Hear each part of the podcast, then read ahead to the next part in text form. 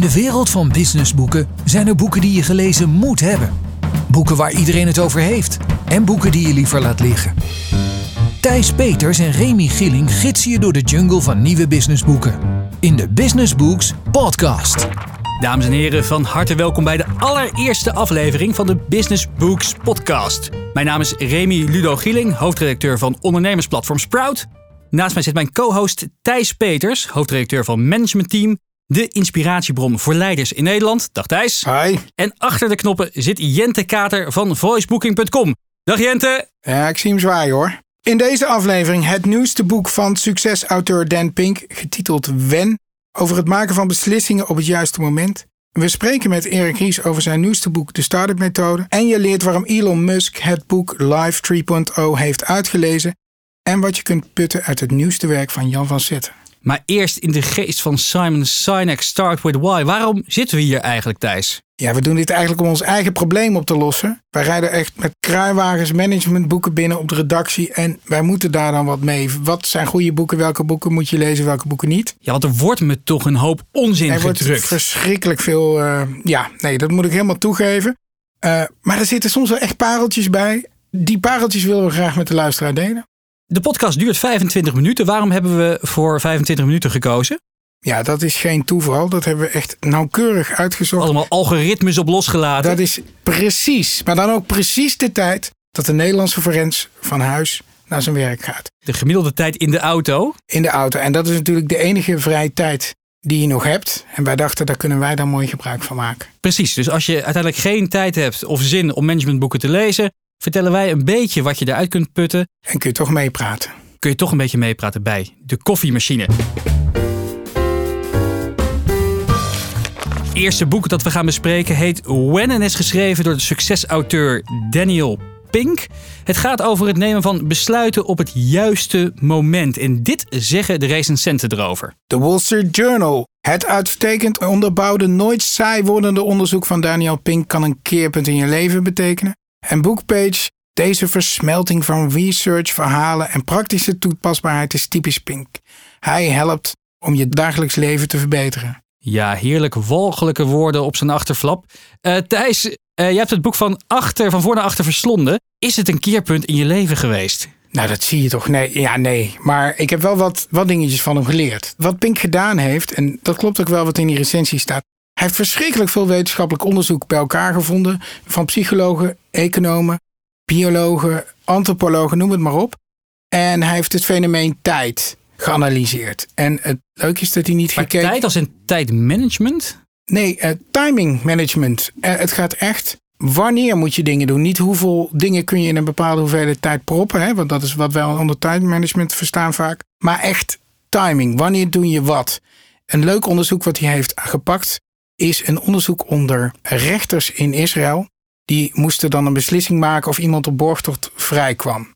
Nou bleek dat in de ochtend die rechters vrij vaak mensen op borgtocht vrijlieten, maar aan het begin van de middag niemand meer.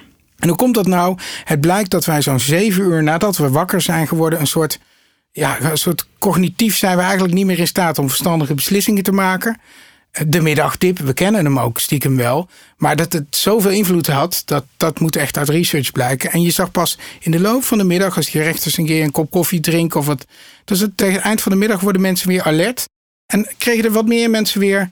Nou ja, de, de, kregen ze het voordeel van de twijfel van de rechter. Heb je nou ook in je eigen leven een beetje gemerkt dat je op de redactie hè, wel of niet iemand ons, uh, hebt ontslagen vlak voor de middaguur? Nou, je moet dus geen mensen meer ontslaan uh, voor het middaguur. Dat moet je dus 's ochtends doen. Maar dat is wat je dus wel voor leert. Je moet alle dingen die cognitief veel energie kosten, moet je 's ochtends vroeg doen. Ja. En uh, zaken die eigenlijk niet zo belangrijk zijn. Beetje e-mails checken.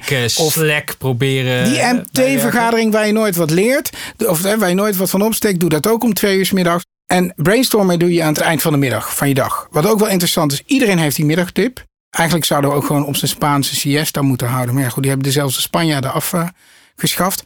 Uh, wat ook belangrijk is, ben je een ochtend, ben je een avondmens of is het tussenin? Ik ben een ontzettend avondmens. Precies. Wat ben jij? En voor jou is het, ik ben een beetje ertussenin. Maar voor jou is het net wat anders. Jij wordt ook, krijgt die dip 7 uur nadat je wakker wordt. Dat is een uur of elf dat je wakker bent. Ik ben een uur of elf inderdaad, Precies. dat ik mijn bed uitkom. Alleen jouw toppunt ligt niet in die ochtend. Dan ben je wel beter dan tijdens de dip. Maar jouw toppunt ligt zo tegen middernacht ongeveer. Tegen middernacht. Ik zal er eens aan denken op het moment dat we het volgende script gaan schrijven voor de podcast. In zijn boek heeft hij het ook over de Neppuccino. En jij hebt dat geprobeerd. Ja, want je hebt dus die enorme middagtip waar je eigenlijk niet zoveel kan doen. Maar ik zit daar nou op kantoor en mijn baas verwacht dat ik iets doe.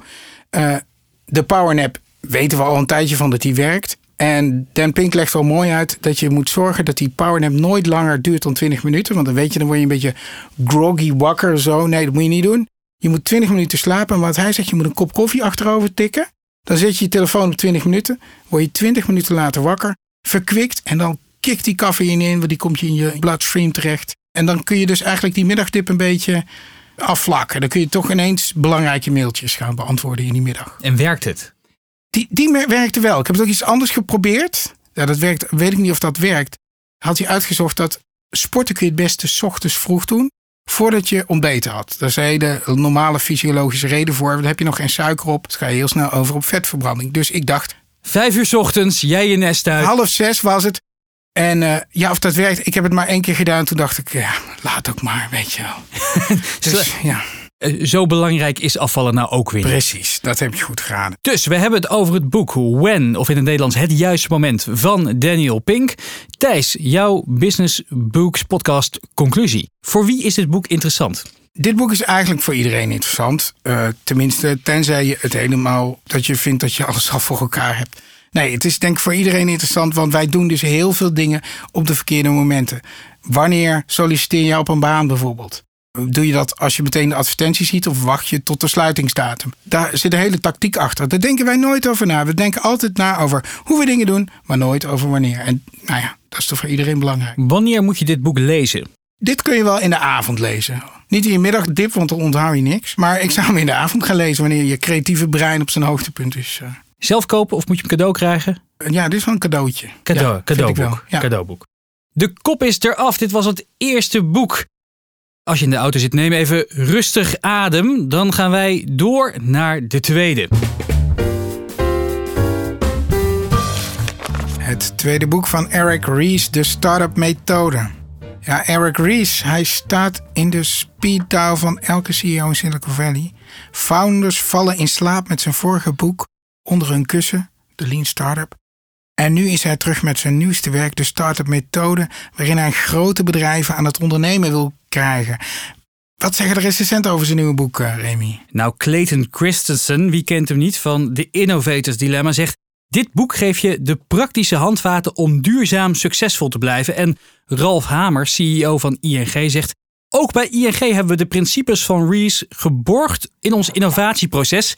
Dit boek biedt veel waardevolle verdieping. Als Ralf het heeft gelezen en er veel van heeft geleerd, dan kan het toch niet anders dan het beste boek zijn? Of? Ja, sorry. Dit is echt een, een, een non-recensie van de minst innovatieve bank die we in Nederland hebben. Hier kan je eigenlijk niet mee aankomen. Maar goed, dat staat er nu eenmaal op. We hebben meneer Ries in de uitzending. Hello, nice to meet you. Welcome to our show. Thank you so much. Thank you so much for taking the time this morning, I guess, in, uh, in yes, San Francisco thank you. somewhere. Uh, yes, it is morning here. First of all, can you tell us in a nutshell or why you wrote this book? Yes, a lot of early adopters of Lean Startup.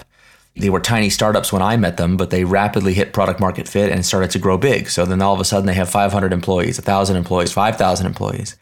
And they started to have managerial problems that you wouldn't expect from such a young company. And at the same time, a lot of big established bureaucracies and, and public companies asked me to come in and help them kind of recreate that startup DNA. Mm-hmm. So I was kind of going back and forth between the sort of Silicon Valley hypergrowth tech startups and these really old school manufacturing, you know, government agencies, healthcare, education, in, you know, uh, institutions. And in both cases, trying to figure out what is the blueprint for what a truly modern company could look like? Um, I was wondering when you first started to write the Lean Startup, your first book, um, yeah. did you think that the same theory could be applied to big corporations? Well, I, I did think it could, but I didn't really know. It was mostly a theory. I never imagined the level of adoption by corporates and, and other bureaucracies that would follow. I mean, it's really been quite impressive. Could you say that the biggest pitfall uh, for corporate innovation is the CEO himself? I think that, yes, a critical component is the attitude and behavior of senior management. So, Uh, so, yes, I think that is a big component of it. But I think there's also um, responsibility on all sides. But on the other hand, most of us as entrepreneurs, we're so disdainful of that kind of accountability. We don't actually have a good story. Entrepreneurs thrive on taking risk. Yeah. And uh, that's something that people in a corporation don't experience every day. They have a paycheck. Yeah. How do you create that same sense of urgency in your corporation? It is surprisingly easy. No one ever believes me when I tell them this, but this is not hard. You need projects that have a true scarcity mindset. So you have to be able to create a project where the people on the team believe if they don't do a good job, the project will be disbanded. And we talk about uh, corporate employees as if they are risk avoiding or risk averse. But if you look at how corporate people are actually compensated, not the on paper salary and bonus they earn every year, but the true measure of their uh, uh, future earning potential is what I call their career equity. Because if you work in a hierarchical organization, success is not I got paid a lot of money this year. Success is I get promoted. I one day have a chance of getting that big time job that has real perks attached to it, real power attached. And it's not only a financial calculation. It may be in a nonprofit, it may be in a government agency where I want the power, I want the prestige, I want the opportunity for impact that that future promotion will give me. Well, people are risk averse only because the company operates a promotion and HR system that says if you're ever perceived as failing, we're going to dramatically curtail your probability of advancement. That is a formula for conformism and conservative behavior. It's not an inherent personality trait of those people. I'm thinking of a group of government bureaucrats I was working with once that we said, it was not a financial thing. We just said this team of five is going to be disbanded in 90 days unless you deliver XYZ. And I remember the first iteration of that, the team was like, oh, no problem. In 90 days, we can easily schedule the meeting to decide how to write the plan, to, you know, the plan of how to meet to discuss the, and they're like, no, no, no, stop, stop, stop, stop. This is not 90 days to deliver a plan. It's not 90 days to have a meeting. It's 90 days to deliver the actual product to customers and see if they like it. And once they adopted that mindset that listen that they tr- that the resources truly are scarce, but that failure will not be punished, uh, they became so entrepreneurial and were able to become so productive. It was almost like magic. How do you prevent CEOs from interfering with those innovative teams? Well, that's uh, as the, as the old joke goes. You do it very carefully. They're constantly interfering, and they don't realize the extent to which that interference both causes a lot of wasted time because you know people have to deal with the CEO, but also it adds a lot of churn to the to the project's direction, and it actually slows it down. So this is one of the ironies. There's all these kind of paradoxes uh, in the startup world. One of them is that that going trying to go faster often slows you down. So what we need to do is say no matter whether the CEO likes it or doesn't like it, is a fan or not a so we want to experiment in order to go faster. And that requires defining in rigorous terms for the CEO what does speed mean? What does progress mean in a startup? It's not just how fast did you, you know, does it get it, did the whole world try my product? It's about uh, how fast did we discover the right growth model that will allow us to grow this thing exponentially. This book is about what corporates can learn from entrepreneurs. What can entrepreneurs learn from these big corporates? Well, startups tend to have nothing or very little in the in the realm of leadership development, training, HR processes. Resource allocation, ironically, is often very sloppy. So there's a lot that they can learn from corporates that are much more disciplined and rigorous about those things. And conversely, uh, a lot of corporates are far too rigid in their procedures and far too um, wedded to 20th century management ideas that have, have uh, outlived their usefulness. And startups can help inspire them to think beyond that. Can you name three key things that enterprises should do before starting a lean innovation program? The most important thing by far is to put someone internally in charge of the program full time before you hire any fancy consultants. Okay. You got to build this from the inside out, not from the outside in. I say this is someone who has been a fancy consultant from time to time. But don't hire me, don't hire anybody else. First, try to figure out what problem are you trying to solve and who's going to be in charge of experimenting with solutions to figure out uh, what works. And then that person can then go outside to figure out what the right resources are, uh, if any. Uh, that are needed. Second thing is um, don't call something a startup, an internal startup, unless it meets all the criteria of a startup. It needs to have a dedicated small team, cross functional. Uh, you have to have metered or dedicated resources, metered funding, not entitlement funding. Anyway, don't go halfway. Make sure you do it right. And the third thing is make it your own. People forget that even lean manufacturing is not called lean manufacturing at Toyota. They call it the Toyota production system. Transformation is always indigenous. It has to be, or people reject it. So this was called Design for Delight at Intuit, but it's called FastWorks at GE. It's called D10X at Citi. It's called GrowthWorks at uh, Procter and Gamble.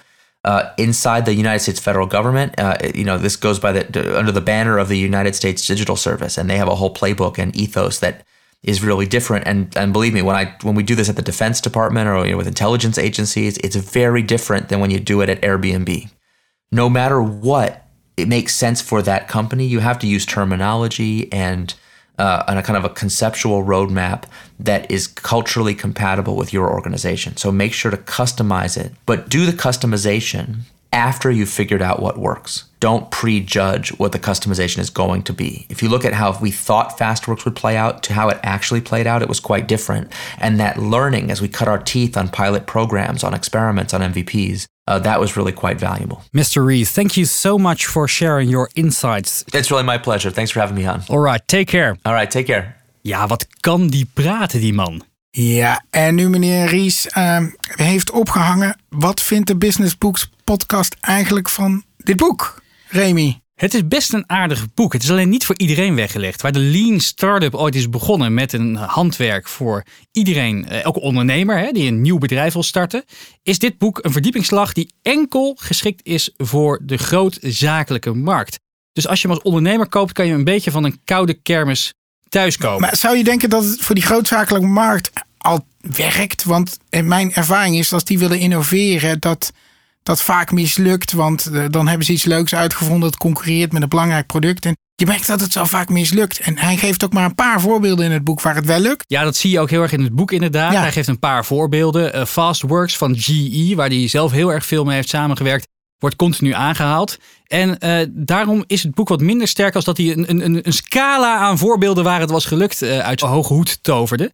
Maar ik denk wel dat het een, uh, als je bij een grootzakelijk bedrijf werkt en je zou willen innoveren, dat het een heel goed handboek is om ermee te beginnen. Het is inderdaad een ontzettend lastig proces. Dus je, je, je, moet niet verwachten dat als je dit hebt gelezen, dat jouw bankverzekeraar of wat dan ook dan in één keer de, de ondernemende geest door, door de ja, aderen heeft lopen. Maar uh, het is wel een opstapje naar hoe je het management of uh, de mensen onder of boven je kan enthousiasmeren om zo meer te gaan denken. Ja, oké. Okay. Ja, ik heb het idee dat als je niet echt alles doet wat in dat boek staat, dan gaat dat mis. Want dan gaat de manager zich toch bemoeien met het innovatieteam. En dan loopt het in de soep. Ik denk wel dat als je uh, het echt dus het goed kan, wil maar... doorvoeren, je wel een, nog een paar uh, lean startup coaches nodig hebt om je als bedrijf te begeleiden. En dat, Want alleen meneer, met het boek en dat is dan meneer sta je wel voor heel, heel veel, alleen. ja. Dus voor heel veel mensen is dat meneer Rees met zijn team. Precies, en die zal niet heel goedkoop zijn. Ik denk, ik denk, dat die hoger, uh, dat die duurder is dan ons, dan ons uurtarief, Thijs. Daar ben ik ook bang voor. Uh, even kort. Dus voor wie is het geschikt? Niet voor ondernemers. Wel voor, voor corporates, voor, corporates. voor CEO's. Wanneer moet je het lezen? Wanneer moet je dit lezen? Ik denk die CEO moet dit lezen in zijn vakantie. En daarna komt hij terug. Nou, misschien is dat dus ook al maandagochtend. Moet je hem kopen cadeau geven? Dit is een boek die je cadeau moet geven aan je leidinggevende. Dat is, dat is eigenlijk wel mooi. Als jij gefrustreerd bent over het gebrek aan innovatie in je bedrijf. Dan verder met de twee laatste boeken van de aflevering. Ja, als je je echt wilt uh, voelen alsof je bij een soort van in-crowd hoort, de illuminati van de toekomst, dan hebben we hier het boek voor ons liggen. Life 3.0. Mens zijn in het tijdperk van kunstmatige intelligentie. Wat uh, zeggen de experts hierover? Dit is de belangrijkste discussie van onze tijd. Techmarks boek zorgt dat je erover mee kunt praten. Een meeslepende gids voor wat we nu doen om de beste toekomst voor de mens te creëren. Wie, wie zou dat gezegd hebben? Ja, ik zie hem voor me liggen, maar ik vind het wel heel bijzonder. Dit is Elon Musk. Elon Musk. Dat zijn serieuze recensies. Op het moment dat deze twee grootheden je boek aanbevelen, dan is het voor mij wel een, iets wat me heel erg intrigeert. Ja, maar je hebt het ook gelezen. En wat vond jij? Ja, we hebben het allebei gelezen in dit geval. Ik heb het gelezen en ik vond het ongelooflijk. Want ja, iedereen hoort natuurlijk van alles en nog wat over kunstmatige intelligentie waar het naartoe gaat. Ik had toevallig gisteren zat ik de Netflix documentaire te kijken over AlphaGo, dat computerprogramma van Ja. Google die het spel Go een, een menselijke speler had verslagen. Ze dachten dat dat pas over tien jaar zou gebeuren. En dit boek geeft je eigenlijk een inkijkje in waar onze toekomst naar, naartoe gaat. En die gaat er heel anders uitzien dan ik, eh, dan ik had gedacht voordat ik dit boek heb gelezen. Ja, en, en ve- en veel sneller ook. Hè? Ik bedoel, het, dat je beseft dat computers menselijk gedrag binnen, nou, misschien binnen 15 jaar beter gaan begrijpen dan wij mensen zelf. Dus mijn vrouw begrijpt me niet, is dan geen probleem meer, want Google weet het wel. Die vertelt het er wel. Precies. En Google is nu natuurlijk al mijn. Ik bedoel, ik weet niet of jij. eh, Ik had eh, op mijn telefoon Google weet. eh, oh, jij gaat nu ongeveer naar je werk. Daar ga je zo lang over doen. En oh, je zit nu een broodje kroket eten. Wat vind je van dit restaurant? Is nog niet heel. Het hebben nog een beetje AI nodig. Voor het restaurant. Voor de Febo vind ik wat overdreven. Ik Maar heb tegenwoordig zelfs van die Google praatpalen in mijn huis staan. Echt Dus waar? als ze een beetje slim zijn, dan weten ze al wat er in mijn keuken en slaapkamer plaatsvindt. en die weet ook of je het leuk vindt of niet. Hè? Of ik het, ja precies. alles, alles precies. weet Google. Wat ik zo knap vind aan dit boek is dat het enerzijds een heel goed, eh, goede introductie is in het eh, fenomeen AI. Waar gaat Ja. het naartoe? En vervolgens zet het je eh, gedachtegang helemaal op zijn kop door je scherp te zetten dat het niet alleen maar gaat over wat er nu gebeurt, maar ook over duizend jaar, tienduizend jaar, honderdduizend jaar. Je voelt je bijna een beetje nietig als je dit boek hebt gelezen. Ja, je voelt je nietig. En aan de andere kant, dat had ik een beetje. Je loopt wel ineens op feestjes, denk je van, ik, ik, weet, ik weet het ook niet. Want dat, zelfs Mark Tekmark geeft toe dat hij het niet echt weet. Maar je voelt je een beetje van, alsof je in een geheim genootschap bent toegelaten. Dat jij kennis hebt Maar, de rest niet heeft. maar gaat de, het boek, die, die toekomst die je schetst, is het nou positief of negatief? Hoe heb jij het ervaren? ik werd vooral een beetje bang. Hij is, hij is niet per se negatief. Hij is, hij is geen sceptici. Hij is, geen scepticus. nee, hij de- denkt niet dat de grotere AI-robots de mensheid gaan verliezen. Hij zegt wel dat het een mogelijkheid is. dat het kan, maar hij geeft eigenlijk aan de wereld. Ja, het is eigenlijk een beetje net als met internet, hè? Dat hebben we ook niet goed voorspeld. En dat gaat hier ook mee gebeuren. Maar hij is wel eigenlijk een optimist, net als Elon Musk, hè? Dat is ook een optimist over wat we zouden kunnen doen met artificial intelligence. Voordat we naar de conclusie gaan, Ja. eventjes kort. Hè? Dit is een boek wat je, wat je dus een beetje, een beetje klein en nietig maakt. En denkt van wauw, wat, wat is mijn rol in het universum eigenlijk onbenullig. Voor wie is dit boek? Als je op feesten en partijen een beetje slim wilt overkomen over de, de artificial intelligence discussie, dan moet je hem zeker even lezen. Je voelt je, als je dit uit hebt, eigenlijk wel een beetje een Elon Musk die een kijkje in de toekomst kan geven aan al je collega's en vrienden. En, en wanneer moet je het lezen? Want je zegt even lezen, maar ik weet niet hoe jij je. Ja, ik, ik zou hem of even op vakantie eh, meenemen. Ik heb hem zelf in bad gelezen. Ik vond het wel heel ontspannend. Dat geeft ook eventjes de ruimte om de zware kosten die je voorbij ziet komen even te laten bezinken. En wat is onze conclusie? Het is wel echt een boek wat je moet hebben, denk ik. Ik zou hem echt kopen. Ja. Dit is echt een toevoeging voor je boekenkast. Dan, eh, we hebben dus nog een heel klein beetje de tijd voordat AI alles overneemt. Daar moeten we nog wat van maken. Daar heeft gelukkig iemand anders een boek over geschreven. Jan van Zetten. Ja, het nieuwste werk van Jan van Zetten, Live. Wat wordt er eigenlijk over gezegd? Ja, Er wordt niks over gezegd. er wordt niks over gezegd. Nou, Jan van Zetten zegt er veel zelf over. Jan van Zetten is een bekend spreker. Hij eh, spreekt veel op managementcongressen. En ik moet zeggen, het is een ontzettend toffe gast. Ik ken hem een beetje. Ik was laatst op zijn boekpresentatie. Dat hij, eh, daar, daar, daar vertelde hij aan een zaal vol met mensen waar eh, zijn nieuwste werk over ging. En hij weet mensen op het podium echt aan het denken te zetten. Dus eventjes je te laten denken van... goh, je moet nu echt aan de slag. Ja, maar dat is het ook. Het is een boek voor mensen die niet lullen, maar poetsen. Het is ook een Rotterdammer. Ja. Inderdaad, niet lullen naar poetsen. En dat merk je ook uit het hele boek. Wat er waar het boek over gaat is... je hebt iets in je leven waar je iets aan wil veranderen. Je weet dat, dat er iets moet veranderen. Maar waar moet je nou eigenlijk beginnen? Hij noemt het zelf de mentale natuurwetten voor een lichter leven. Of het- Dat is het woord wet. Nou, hij gaat eigenlijk niet over wetten hebben. Het is niet wetenschappelijk of Nee, het is meer uit puur uit ervaring waarvan hij het is uit de koker van Van Zetten zelf gekomen. Ja, Even een concreet voorbeeldje waar het bij mij heeft geholpen. Eh, we hadden het er net al even over. Ik kan 's ochtends erg moeilijk mijn bed uitkomen. Daar heb ik al een tijdje last van. En dan elke ochtend denk ik weer van ja, ik moet vroeg opstaan. En dan gaat hij wekker en dan flikker ik die snoesknop weer aan. ja. Eh, of ik ga een uur op mijn telefoon zitten kijken. En eh, hij legt in het boek ongeveer uit dat je, hoe, hoe je daarmee moet omgaan met dat soort situaties. Of dat je, nou, je, je loopt naar de koelkast, je ziet een grote reep chocola liggen en je wil hem pakken, maar je wil eigenlijk ook afvallen. Hoe ga je om met dat soort conflicten in je hoofd? Daar geeft hij een heel simpel trucje voor. Tel even af. 5, 4, 3, 2, 1, go. Hij noemt het de turbo knop. En dan moet je als je hebt En afgeteld, dan laat jij die reep chocolade liggen. Dan laat jij die reep chocolade liggen. Oh. Ik laat die stoel. Ja, ik ik spring mijn bed uit. Ik Ja. heb het geprobeerd en voor mij werkt. Voor jou werkt het. Ja. Jij was wat, wat sceptischer Ja, erover, hè? ja, wat ik al eerder zei, ik ben niet zo van de zelfboeken. En dat zeg ik niet dat het slecht is om die boeken te lezen. Maar ik ben zo'n man die te veel lult en eh, eh, niet, niet poetst. Ja, ik, ik heb ook, ben een, een- ik, ik ik ben heb ook een- een t-shirt ervan aan, hè? Bruistabletje of droetoet, ik ben, droeftoeter. ik ben meer een droeftoeter. Ik geef het gewoon toe. Ja. Laat ik gewoon openlijk zijn. Ik ben over het werk van Jan van Zetten best wel een bruistabletje. Je moet het, het is heel praktisch. Je kan hem echt binnen twee uur heb je hem, Ja. heb je hem uitgelezen. En als je een beetje ervoor open staat en niet verwacht dat je hele leven in één keer op zijn kop staat, dan eh, is het best wel waard om Oké, even te dus lezen. voor wie weten we? Hij is voor Remy. Hij is, voor, hij is voor de remies van deze Wanneer wereld. heb je hem gelezen? Ook in bad? Eh, ik heb deze ook in bad gelezen, ja. Volgens Eh, mij zit precies. je alleen nog maar in bad. Ik vind het wel echt een, een Cadeau. cadeauboek. Ja. Ja. Dan hebben we nog een paar tips. Jente heeft nog wat reviews gevonden van de gemeente Meppel. Gemeente Meppel. Vanuit leidinggevende en medewerkers. Top! Wat een inspiratie. De woorden bruistabletjes en ik verwonder mij gaan door de organisatie. Oh. Nou, dat was eh, door Esther Meijerink, een directiesecretaris. Dankjewel Esther. Ja, dankjewel. Eh, Jan is fenomenaal in het presenteren van verwarrend eenvoudige inzichten over het veranderen van je eigen gedrag en dat van anderen. Jos Burger. Ja, Jos Burgers is wel een grootheid. De Ja, best en- verkopende ja. managementboek-auteur van Nederland. En we hebben hem volgende editie in de uitzending. Echt waar? Oh ja, nou ja. Dan moet ik misschien toch maar wat enthousiaster klinken, hè?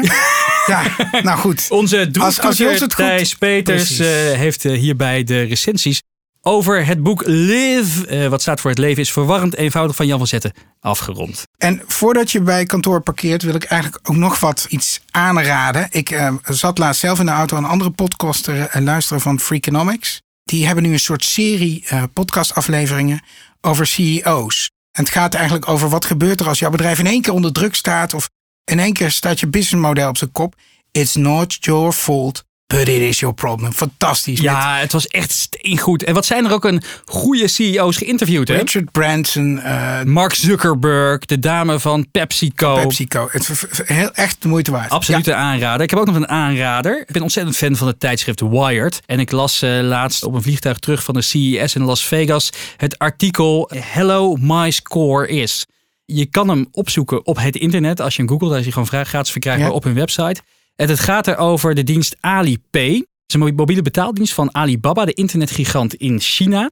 Die geven tegenwoordig aan al hun gebruikers een kredietscore. Nou is dat niet zo gek. Dat is een score. Dat, eh, dat, BKR gebeurt al, heeft ook iets voor mij. de BKR heeft Ja. iets, hè, en de creditcardmaatschappijen hebben dat ook. Maar wat zij anders doen, is dat zij sociale features aan jouw creditscore hebben toegevoegd. Dus jouw score is afhankelijk van de score van jouw vrienden. Dus heb je hele betrouwbare vrienden die heel kredietwaardig zijn, dan gaat jouw score ook omhoog. Maar heb je iemand ertussen zitten die niet zo kredietwaardig is, dan gaat hij omlaag. Daarnaast eh, is het ook aan je Wordt ook ge- enger. het werd nog enger. Het is aan je gedrag gekoppeld. Dus enerzijds aan de aankopen die jij doet bij Alibaba. Maar ook trackt hij bijvoorbeeld jouw locatie. Dus eh, hè, waar was jij om drie uur s'nachts? Uh, in een of andere rare shady buurt. Nou, dat zal wel uh, onzuivere koffie zijn. Dit doet me een beetje aan Techmark denken. Hè? Dat is Het gaat een eigenlijk de volgende die kant stap. op inderdaad. Van uh, big data, die weet straks alles over jou. Het is een bizar artikel. En ik raad iedereen aan om het te lezen. Ja, want ik- mobiele betalingen komen ook hier naartoe. Dus het wordt niet alleen voor de Chinezen is het rete relevant. Maar ook voor ons, gewoon als Nederlandse Dus de Chinese overheid weet, bepaalt straks of ik geld uit mag geven. We zijn er doorheen, Remy. Ja, dank jullie wel voor het luisteren. We horen heel erg graag wat je hiervan vond. Dus stuur complimenten of kritische feedback in een mailtje naar podcast.mt.nl. En onder de reacties verloten we drie boeken van Eric Ries en vijf gesigneerde exemplaren van Live van Jan van Zetten. Vergeet je niet te abonneren via Spotify, iTunes of Soundcloud. En we zien je heel graag volgende maand terug met Mhm. onder meer... Ja, Jos Burgers, de best verkopende managementauteur van Nederland. 100.000 boeken staan er op zijn naam. Dus hoe heeft hij dat voor elkaar gekregen? Maar ook het boek Principles van Ray Dalio. Een van de top-investeerders ter wereld. Hij heeft volgens mij iets van 1500 miljard dollar onder zijn beheer. En hij heeft een boek geschreven over hoe hij nou zo succesvol is geworden. En ik duik nog even in die kruiwaar om een boek te vinden. We zien je heel graag volgende keer terug. Tot zover de Business Books Podcast. Meer afleveringen luisteren? Abonneer je via iTunes of Soundcloud en krijg een melding wanneer er een nieuwe aflevering live gaat. De Business Books Podcast is een uitgave van Sprout en Management Team en wordt geproduceerd door voicebooking.com.